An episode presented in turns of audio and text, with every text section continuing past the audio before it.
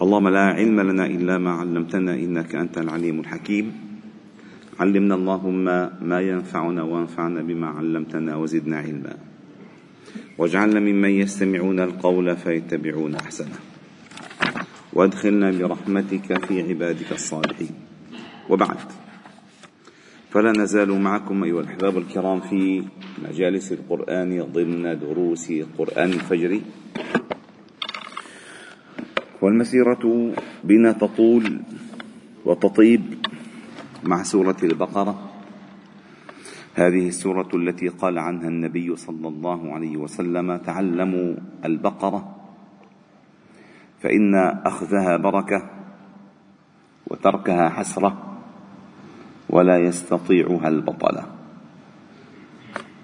تعلموا قال اقرأوا تعلموا سورة البقرة. فإن أخذها أخذها إن أن تصبح معك. أخذ أن تصبح البقرة معك.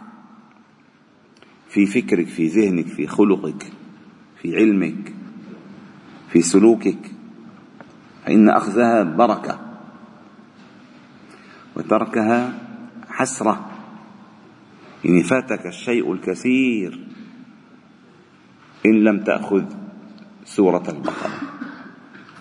ولا يستطيعها البطلة أي تحصين عظيم من كل بطال أفاك أثيم.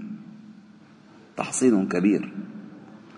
لكثرة ما فيها من الإرشادات والتعليمات فإنها حري بها أن تجعلك في حصن منيع.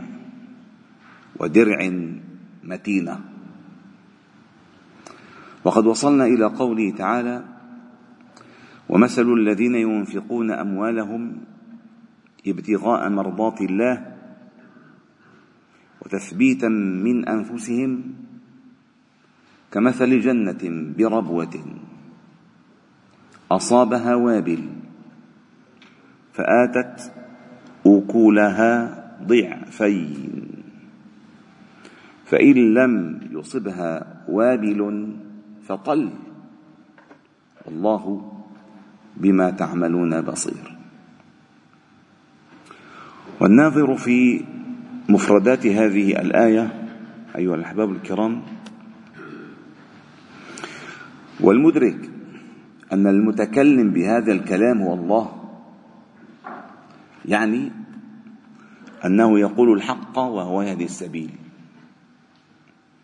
وكل ما ذكره الله تعالى في كتابه فهو حق. لأن الله هو الحق ولأن كتابه هو الحق. وبالحق أنزلناه وبالحق نزل وكل ما فيه حق.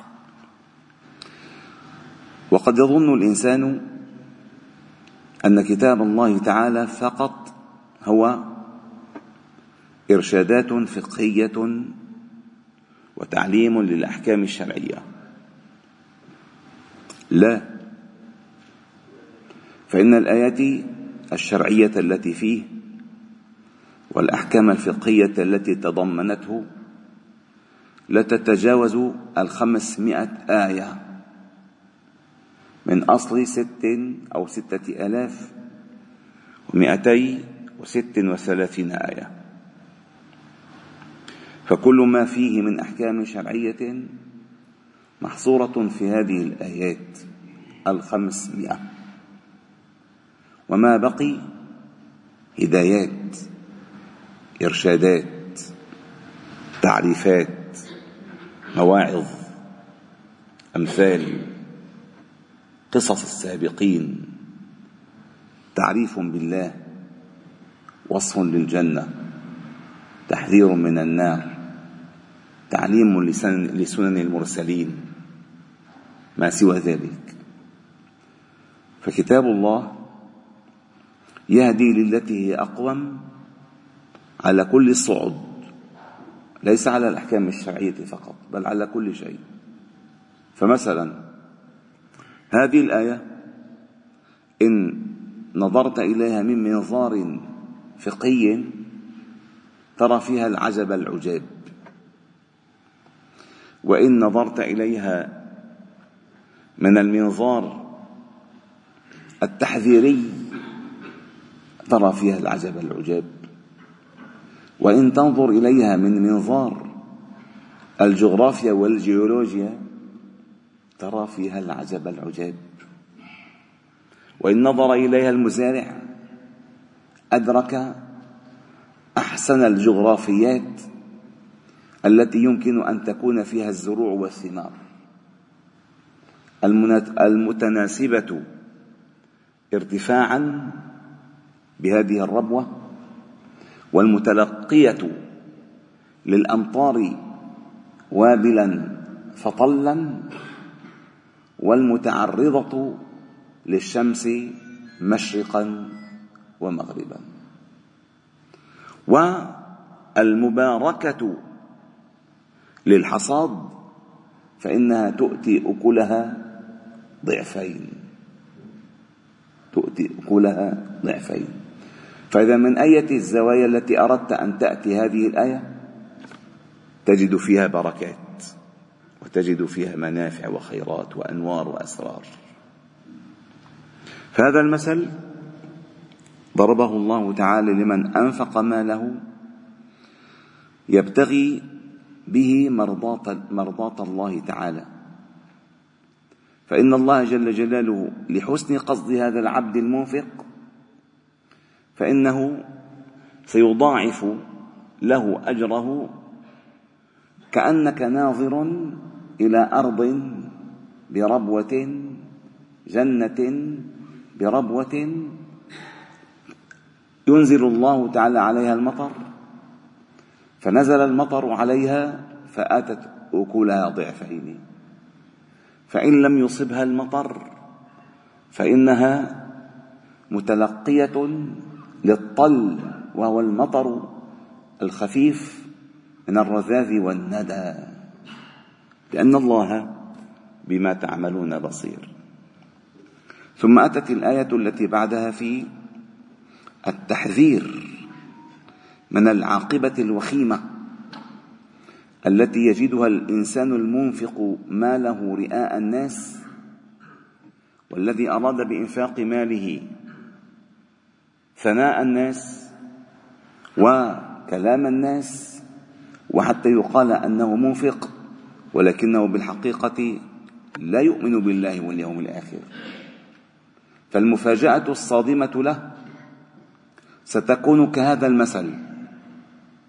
كهذا المثل الذي ساقه الله في هذه الآية وهي قوله تعالى أيود أحدكم أيود أحدكم أن تكون له جنة من نخيل وأعناب تجري من تحتها الأنهار له فيها من كل الثمرات وأصابه الكبر وله ذرية ضعفاء تصوروا هذا الرجل الكبير بالسن الطاعن في العمر الذي عنده الذمار الضعفاء الذين يحتاجون يحتاجون إلى الرعاية والقيام بشؤونهم وهو الذي أصابه الكبر.